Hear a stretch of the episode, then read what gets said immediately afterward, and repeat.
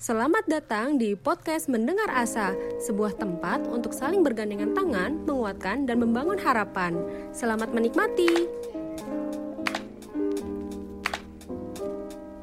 Berawal dari lingkungan, ya kebetulan lingkungan saya itu memang sedikit kalau bahasanya di Pekanbaru itu Kin atau teman-teman yang ngasut benar-benar itu saya yang coba. Awalnya nggak punya sih niat untuk mencoba gitu. Mungkin karena karena rasa keingin tahuan ya. Nah ini yang bayang sih kalau manusia itu ya wajar ya punya rasa keingin tahuan yang tinggi gitu. E, sebenarnya saya karena sering lihat orang konsumsi itu awalnya nggak terlintas sih buat pengen cobain. Mungkin lama kelamaan sugesti ya atau terekam lama di memori ya. Jadi lama-lama adalah sebuah kesempatan. Nah akhirnya lepas dari uh, kelas 2 ya kelas 2 SMP masuk kelas 3 tamat SMP uh, nah saya mulai tuh cobain cobain narkoba kalau psikotropika yang jenisnya itu uh, sabu dulu. Nah setelah gunain pertama rasain efeknya gitu. Nah, ngerasain efeknya. Kalau pertama-tamanya itu setelah nggunain, ah, biasa, biasa gitu ya. Laki-laki seperti itu ya, nggak biasa-biasa. Hmm, ya mungkin karena terlalu menganggap sepele ya, eh, biasa-biasa-biasa. Akhirnya lama-lama dapat enaknya ini. Karena dampak dari uh, uh, narkoba itu macam-macam narkoba kan banyak macamnya ya. Kalau saya mau ceritain di sini yang yang uh, psikotropikanya ini yang jenis sabu dulu ya. Jadi lama-lama ngerasain enaknya dari efek sabu tersebut gitu. Kalau saya yang saya rasain, jadi setelah saya tahun, dua tahun, tiga tahun, empat tahun konsumsi, lama-lama, lama kelamaan, saya ngerasain dampaknya itu ialah malah tingkat kepercayaan diri ini turun. Yang awalnya nanjak itu ya, PD-nya gitu kan. Pokoknya percaya diri deh gitu terus lama kelamaan saya kok merasa di tengah keramaian wah ini memang judul lagu-lagu seperti itu memang benar jadi saya alamin gitu kan. Uh, ngerasain ini lagi rame-rame tapi saya kok ngerasain sendiri gitu. Duh, uh, contoh psikis saya udah mulai kena gitu kan habis itu pikiran pikiran udah mulai yang benar salah yang salah benar kayak gitu parah sih menurut saya. Bahkan kalau saya lihat teman-teman yang masih gunain itu mereka nggak sadar itu dampaknya dari narkoba. Uh, sampai kalau kita misalnya ngomong gitu ya ah ah ah kayak gitu loh kayak orang-orang linglung. Seperti itu. Bahkan dia sendiri nggak sadar kalau dia kena gitu. Kena dampaknya gitu. Nah itu yang lucunya kalau kita gunain narkoba di titik saya itu ketika saya guna gunain yang awalnya enak saya mengalami halusinasi ya kalau bahasa uh, kitanya. Uh, tapi bagi saya saya malah lebih respon terhadap halusinasi saya itu yaitu menjurusnya pertama pada kematian gitu. Setiap saya gunain saya nggak dapatin enaknya lagi. Saya mau rasain saya bakal dicabut nyawa saya seperti itu. Nah suatu titik saya gunain ya saya ngerasain detak jantung yang berdebar habis itu di loteng itu ada yang ngetok tiga kali. Tuh. Jantung semakin kencang. Dua tuh. Trrr. yang ketiga uh udah. Saya lompat saya langsung mandi deh. Pokoknya saya mandi bersihkan diri. Waktu itu saya bertobat lah istilahnya. Efeknya sangat-sangat menyiksa waktu itu ya. Nah, saya sempat cerita sama kawan ya, bro itu halusinasi. Ya. Namanya kalau orang-orang yang sama konsumsi itu beranggapan itu hanya sebuah efek. Nah kalau saya, saya berpikir nggak mungkin efek atau halusinasi saya ini terjadinya berulang-ulang tentang itu, hal itu gitu. Salah kayak kematian, itu yang terus diulang-ulang. Berarti ini sebuah pertanda bahwa petunjuk kalau saya tetap konsumsi ini, saya bakal dicabut nyawanya. Telah hadir bersama kita narasumber podcast Mendengar Asa episode 2. Terima kasih untuk Kak Hafiz Riyatma sudah memberikan pengalaman 7 tahun silam ketika mengalami kecanduan narkoba. Mencoba narkoba, bahagia atau nelangsa? Yuk simak obrolan kami lebih lanjut bersama Kak Hafiz Riyatma. Oke, Kak Hafiz, menarik banget nih ceritanya. Aku cukup penasaran sih sama dampak yang lumayan ekstrim yang pada saat itu Kak Hafiz alami. Hmm, kira-kira setelah berapa lama menggunakan narkoba ya Kak sampai berada di tahap seperti itu? kalau saya ya ini kan orang beda-beda nih ngerasainnya. Kalau saya ya ya alhamdulillahnya cepat ngerasain seperti itu ya. Dikasih uh, halusinasi seperti itu ya tiga tahun ke atas udah mulai rasain efek-efek dampaknya yang yang nggak enak ya. Ya seperti pertama-tama itu kan saya merasa aku ini rame loh teman-teman banyak gitu. Tapi kok aneh apa diri aku gitu? Tapi saya tetap ngotot masih masih konsumsi seperti itu kan dan dia masih konsumsi. Uh, jadi kode-kode atau apa ya petunjuk bahwa saya harus ninggalin itu saya masih abaikan. Nah tiga tahun empat tahun ke atas lima tahun ke atas sudah mulai efeknya eh, enam tahun tujuh tahun ya. Udah mulai efeknya nah sampailah suatu titik yang paling parah itu ya uh, dikejar kematian seperti itu. Ya berarti waktu itu kakak untuk frekuensi konsumsinya sendiri udah seberapa sering sih kak? Kayak, kayak harus butuh berapa gitu misalnya dulu kalau saya konsumsi tergantung dana juga. Namun uh, kalau di di tempat saya gitu kan dia masih bisa dapat uh, istilahnya belanjanya yang murah gitu masih bisa. Jadi saya konsumsi dulu seminggu itu mungkin ada lima kali gitu kan. Uh, pernah juga dalam satu bulan tuh full karena dapat donatur yang kuat aja waktu itu kan. Itu memang full satu bulan. Paling paling dikit sih seminggu itu saya konsumsi itu empat atau lima, empat atau lima hmm. kali seperti itu. Sebenarnya waktu Kak Hafiz itu sedang mengkonsumsi narkoba, apakah dari keluarga atau teman-teman terdekat itu mengetahui dan uh, kalau mengetahui, bagaimana sih Kak respon dari mereka? Uh, awalnya nggak tahu. Kalau buat teman-teman itu saya kan milih-milih misal teman uh, saya masih menghargai teman-teman yang misalnya yang, yang tidak konsumsi saya nggak pernah ajakin saya nakal dengan teman-temannya nakal seperti itu. Dari dulu saya seperti itu sampai sekarang, insya Allah ya. Jadi uh, yang mengetahui itu cuman yang yang sama-sama berbuat seperti saya gitu. Kalau keluarga, akhirnya saya sama orang tua itu sempat jujur gitu. Saya udah konsumsi, tapi saya bertanggung jawab gitu. Saya konsumsi, saya keluar sendiri gitu.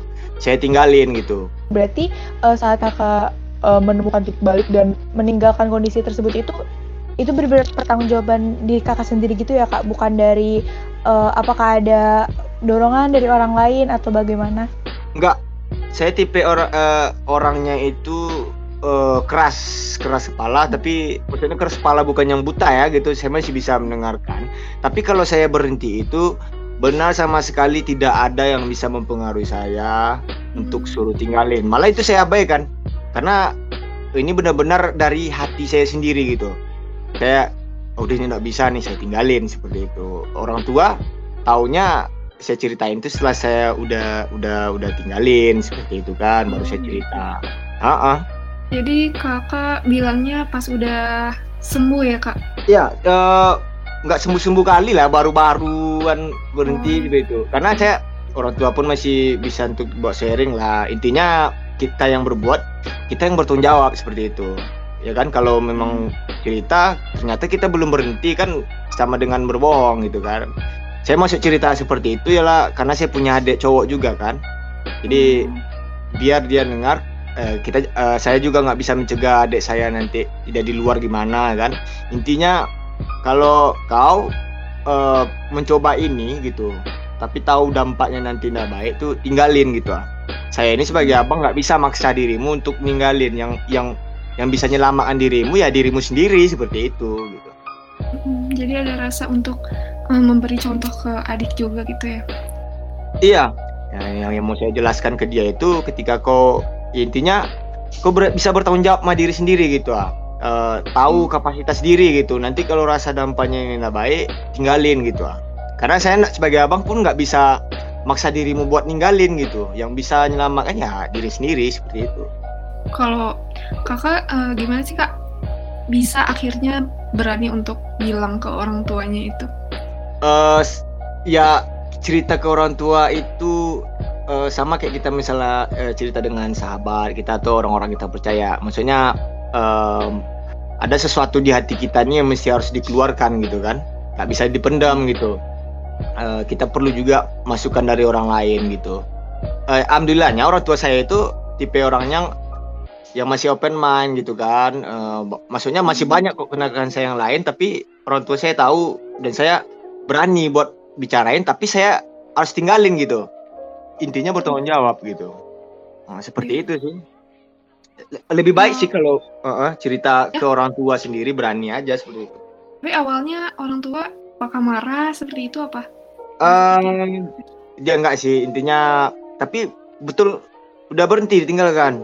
Udah udah seperti itu bilang kan intinya diyakinkan diyakinkan.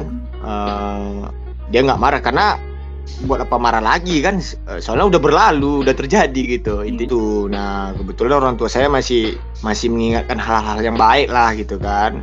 Eh, masih kasih kasih dukungan gitu. Karena kan dukungan terbaik itu kan di rumah gitu. Apalagi buat anak-anak yang konsumsi narkoba peran pentingnya itu di orang tua. Nomor satu di orang tua gitu baru lingkungan ya kan? Lingkungan tem- pertemanannya. Kalau orang tuanya eh apa ya terlalu membiarkan anaknya gitu ya. Ya dia nggak anaknya nggak akan dapat eh, asupan batin gitu. Jadi dia merasa perbuatan dia itu ya udahlah orang tua aku fine fine aja gitu. Nah itu sih pentingnya. Iya. Tapi Hmm. alhamdulillahnya untuk kakak orang tuanya juga open mind dan em, bisa mensupport gitu ya. Iya, alhamdulillah gitu. Tidak akhirnya meninggalkan atau menelantarkan kakak. Tidak. Em, ya, ya itu sebuah hadiah yang eh, setelah itu saya kasih lah dengan Hmm. dengan perubahan saya gitu. Hmm. Karena betul saya berhenti itu perubahan itu sedikit pun eh, berhenti narkoba itu nggak ada karena faktor orang tua. Setelah itu eh, saya berhenti. Kalau berhenti tok gitu aja, eh, kayaknya ada yang kurang. Eh, saya pengen jadi lebih baik lah gitu. em, Uh, mendekatkan diri ke Tuhan itu lebih baik kan? Karena buat mengkokohkan nggak lagi mencoba ngilangin rasa itu lama deh prosesnya dari kita konsumsi narkoba. Karena proses pembersihan di paru-paru gitu lah pokoknya ada yang eh, zat-zat yang masih menempel gitu. Jadi setelah kita berhenti itu masih ada eh, efek-efeknya. Misalnya eh, nampak barang itu masih badan dingin-dingin gitu. Tuh lama proses hilangnya kan jadi yang terbaiknya itulah saya cari jalan. Memang kita harus dekatkan diri ke Tuhan sih. Seperti itu. Itu kan kejadiannya udah sekitar 7 sampai 8 tahun ya Kak tadi kalau nggak salah bilang. Iya. Itu untuk saat ini untuk Kak Hafiz saat ini apakah masih ada efek-efek yang masih dirasakan atau benar-benar sudah hilang eh, 100%? Eh dulu berapa tahun yang belakang dulu masih sih masih dingin-dingin gitu badan karena lama ya prosesnya itu lima tahun ke atas gitu. Mem- Memang betul-betul lama prosesnya. Habis itu kalau sekarang saya efeknya tuh udah biasa tapi sedikit muak aja gitu kan. Malah saya pengen doa ya mudah-mudahan ini diberantas gitu. Hilang lah cuman kayak nggak bisa kan. Memang terbaiknya itulah pilihannya di kita. Kita yang mau ninggalin kalau namanya narkoba tuh nggak bakal hilang-hilang juga sih di di Indonesia ini malah tambah banyak gitu. Harus Iya, kesadaran kita diri sendiri gitu ya Kak. Iya memang harus dari sendiri nggak ada tuh. Nah, aku penasaran sih Kak, gimana tuh proses eh, kalau untuk eh, menghilangkan efek-efek narkoba itu apakah ada pengobatan atau seperti apa ya Kak? Oh kalau saya nggak sampai pergi-pergi terapi gitu atau rehab. Kalau saya rehabnya rehab sendiri aja gitu. Rajin konsumsi minum air putih pertama, habis itu ya ya minum-minum herbal-herbal gitu kan. Kalau saya nggak ada saya khususin minum obat apa gitu kan. Enggak sih. Saya lebih ke natural-natural tapi yang yang terbaik itu menurut saya ya itu saya dengan berhijrah sih lebih tepatnya. Maksudnya pendekatan diri terhadap Tuhan gitu kan. Banyak juga sih kayak eh, saya pernah pergi ke rehab eh, istilahnya ngasih-ngasih masukan ke teman-teman di sana itu yang yang eh, khusus yang masih muda-muda gitu kan. Eh, banyak sih orang tua yang ngantar anaknya rehab gitu tapi nyatanya masih konsumsi juga pulang nggak sembuh juga gitu kan. Intinya itu apa sih? Di hati sih. Eh, iya diri sendiri ini nih yang perlu asupan bukan pil aja. Kalau pil itu kan lebih ke tubuh tapi kan ini batin sih. Eh, hati hati kecilnya yang perlu di digelitik gitu lah itu yang lebih baik sih menurut saya Betul. Eh, kalau rehab itu mungkin sebagai bisa kalau misalnya memang benar-benar sudah ada niat dari diri kita aja ya hmm, sebagai fasilitator untuk kita mau keluar gitu bisa lebih mudah jika ada rehab kalau misalnya emang eh, dari kitanya niatnya sudah ada gitu yang pertama yang dibentuk Iya. paling penting adalah niatnya terlebih dahulu gitu ya kak Benar. Uh, kebanyakan kasus sekarang dilihat itu kan kalau rehab itu yang mungkin eh, bagus juga sih orang tuanya kan uh, uh, ngantar anaknya ke rehab gitu kan. Uh, mungkin ada faktor yang dipaksa, tapi kan lebih bagus kan heart to heart lah hati ke hati orang tua dulu terhadap anaknya dipupuk apa ya disiram dulu hatinya gitu kan ditimbulkan niatnya gitu. Soalnya saya banyak juga lihat di mereka diantar ke rehab tapi nyatanya masih konsumsi juga. Sampai mereka pun curhat juga gitu. Aku masih belum bisa lah. Pada di rehab gitu masih masih gunain gitu. Jadi sebetulnya uh, kita tanpa pergi ke rehab pun asal ada kemauan dari hati dan kita udah Benar. stop nggak memakai narkoba tersebut dan mengkonsumsi air putih ya kak tadi yang penting air mineral uh, uh-uh. dengan cukup dan ya meyakinkan diri sendiri gitu ya kak minum obat-obat herbal seperti itu ya. Kalau dari pengalaman ini Kak Hafiz ada rasa menyesal atau semacamnya gitu kak? Kalau bahas penyesalan, uh, soalnya kalau saya apalagi yang harus disesalkan kan gitu tapi saya ambil uh, hikmahnya sih di pelajaran dari uh, uh, pelajaran dari sana gitu kan uh, saya saya dapat pelajaran hidup seperti itu uh, lebih menghargai hidup kan? Uh, apa sih? Lebih open mind sih jadinya. Saya memandangnya seperti itu aja gitu. Kalau saya penyesalan pun kita nggak ada gunanya gitu. Yang ada malah hati hati jadi rusak gitu kan. Saya cukup saya jadikan itu sebuah pelajaran atau guru terbesar. Kalau mungkin saya tidak seperti itu, saya nggak akan bisa jadi lebih baik dari sekarang gitu ah. Karena saya punya batu loncatan. Karena ada tolak ukur dulu saya parah, jelek, hancur-hancuran, dan sekarang saya harus lebih baik gitu. Jadi sebuah tolak ukur sih atau titik balik saya di waktu itu. Kalau seandainya saya tidak seperti itu, mungkin hidup saya bakal flat-flat aja gitu. Nggak ada uh, sesuatu yang bisa saya sampaikan nanti uh, mungkin dengan uh, pengalaman seperti itu seperti itu adalah uh, dari diri saya ini bermanfaat untuk orang lain kan? Ya, uh, saya mana itu aja sih. Pengalamannya dibuat sebagai pelajaran untuk bisa bangkit hmm. dan lebih hebat lagi gitu ya benar. Kan namanya hidup pasti ada proses salah dulu kan? Yaitu saya salah dulu tapi kan nggak mungkin saya mau salah-salah. Terus saya ya saya harus lebih baik lah dari yang dulu gitu.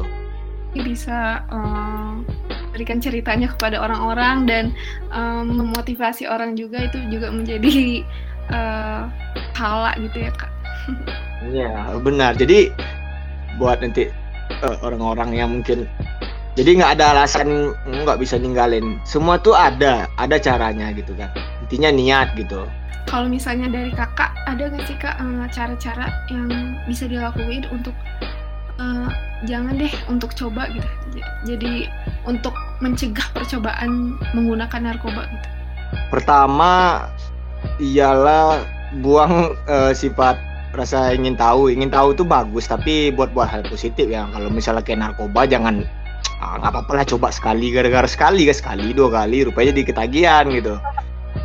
Uh, salah penempatan rasa ingin tahunya gitu jangan intinya rasa ingin tahu itu yang positif positif aja gitu kan berarti itu ya yang utama uh, menghilangkan rasa ingin tahu yang ke arah negatif gitu ya kak mungkin bisa dipraktekkan uh, untuk hal-hal negatif lainnya juga kali ya untuk hal negatif kita nggak iya. perlu uh, iya, punya hal-hal rasa ingin tahu yang berlebihan gitu ya kak Oke, okay. menarik banget. Memang manusia kan juga ingin tahu gitu kan. betul betul betul. Menarik banget, menarik banget. Nah, mungkin uh, untuk pertanyaan inti nih kak, untuk pertanyaan akhir, uh, kira-kira apa sih kak pesan-pesan dari kak Hafiz yang ingin disampaikan untuk teman-teman?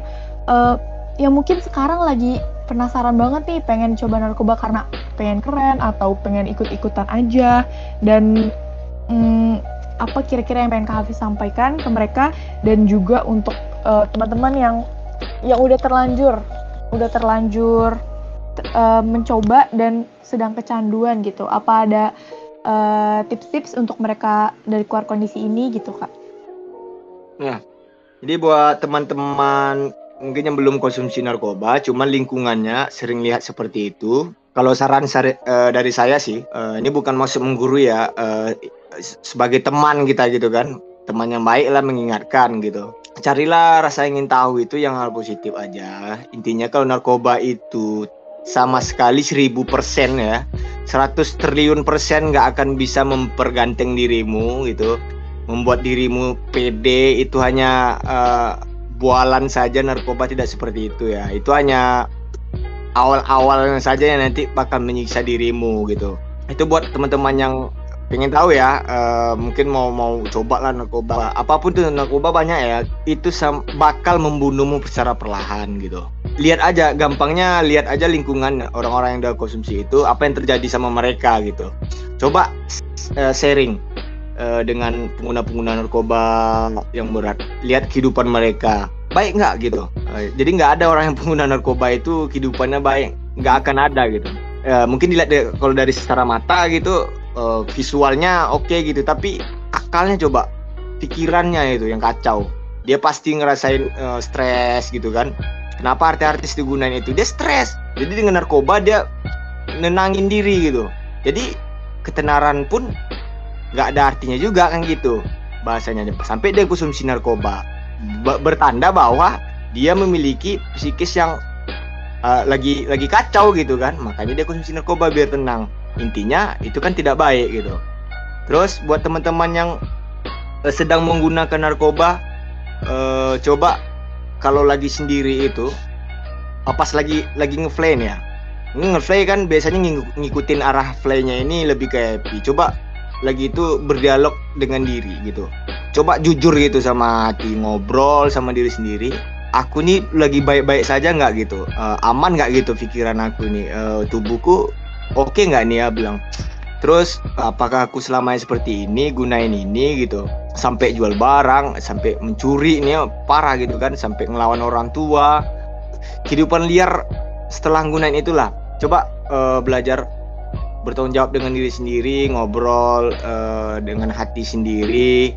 Insya Allah kalau kalau mau seperti itu dilakuin ngobrol diam ngobrol dengan diri sendiri nanti bakal ketemu jawabannya. Intinya berdoa aja ya Allah kalau misalnya yang punya niat ingin berhenti berdoa sih uh, tergantung agama masing-masing berdoa dengan uh, Tuhan masing-masing gitu. Inta, intinya minta kekuatan. Uh, minta kekuatan uh, minta yang terbaik itu cuma kepada Tuhan biar diberi kekuatan terus diberi cahaya beri hidayah uh, buat bisa meninggalin itu gitu Keren banget Kak. Mungkin uh, ada lagi closing statement nih terakhir dari Kak Hafiz. Untuk uh, Indonesia, habis itu di kampung halaman saya sendiri si Pekanbaru uh, kemarin Polda uh, ngerazia narkoba besar-besaran, ya kan? Terus uh, nanti di uh, hari anti narkoba tanggal 26 ya. Tanggal 26 hari anti narkoba, mudah-mudahan teman-teman nanti yang dengar ini, yang dengar cerita saya, saya tidak berbicara seperti ini bukan sama sekali menggurui, tapi ini saya mau sharing tentang pengalaman. Saya cuma mengajak teman-teman yang dengarin ini, uh, ayo bangkit dengan tanpa narkoba, berkarya tanpa narkoba. Uh, narkoba sama sekali tidak menyelamatkan hidupmu. Karena yang menyelamatkan hidupmu itu bukan bukan narkoba ya, tapi diri sendiri. Dengan cara yang yang normal yang baik-baik saja gitu. Karena narkoba semakin kamu konsumsi maka psikismu oh, rusak akalmu rusak pasti kehidupanmu bakal rusak. Jadi kita bakal kehidupan uh, ingat kehidupan ke depan kita bakal menikah membangun rumah tangga. Kalau seandainya kamu nanti masih gunain narkoba tapi berumah tangga pasti hancur rumah tangganya gitu intinya ngelakuin hal yang tidak baik itu sama sekali tidak berguna untuk diri sendiri. Gitu sih. Yesus sekali terima kasih banyak Kak Hafiz. Iya sama-sama. Waktunya ya.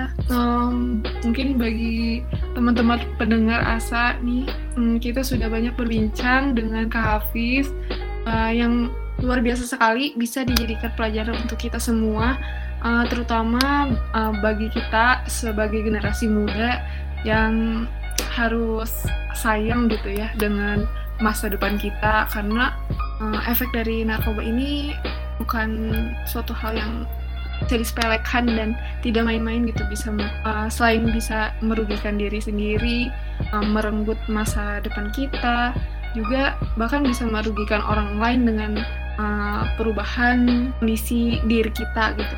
Benar. Seperti menjadi anarkis, malah nantinya mencuri dan lain-lain sebagainya. Uh, jangan sampai sekali-sekali ingin mencoba gitu ya. Jangan menempatkan ingin tahuan pada tempat yang salah tadi kata kata uh, nah, setitik mencoba saja uh, kita harus siap untuk menghadapi kehidupan yang langsa dan kesengsaraan gitu ya kak jangan menyepelekan dan berekspektasi kita bisa menahan diri setelah percobaan pertama seperti itu ya karena akan cukup sulit benar sekali mbak Keren banget, luar biasa. Oke, okay, gak berasa ya, kita udah ngobrol-ngobrol cukup panjang dan uh, kisah inspiratif dari Kak Hafiz gitu. Ya, karena keterbatasan waktu, kita bakal menyudahi sampai sini, Kak. Terima kasih banyak sekali lagi sudah uh, meluangkan waktunya dan mau berbagi cerita dengan kami semua. Mudah-mudahan um, ke depannya kasus narkoba banyak lebih banyak lagi orang yang sadar akan bahayanya narkoba itu sendiri dan uh, memilih untuk hidup lebih sehat. Terima kasih banyak Hafiz. Ya, Ibu terima kasih buat uh, Sakila dan uh, Aulia, uh, buat Asa. Uh, mudah-mudahan channel ini terus bermanfaat, terus berkembang, uh, memberikan inspirasi, inspiratif untuk teman-teman uh, teman -teman semuanya. Thank you ya.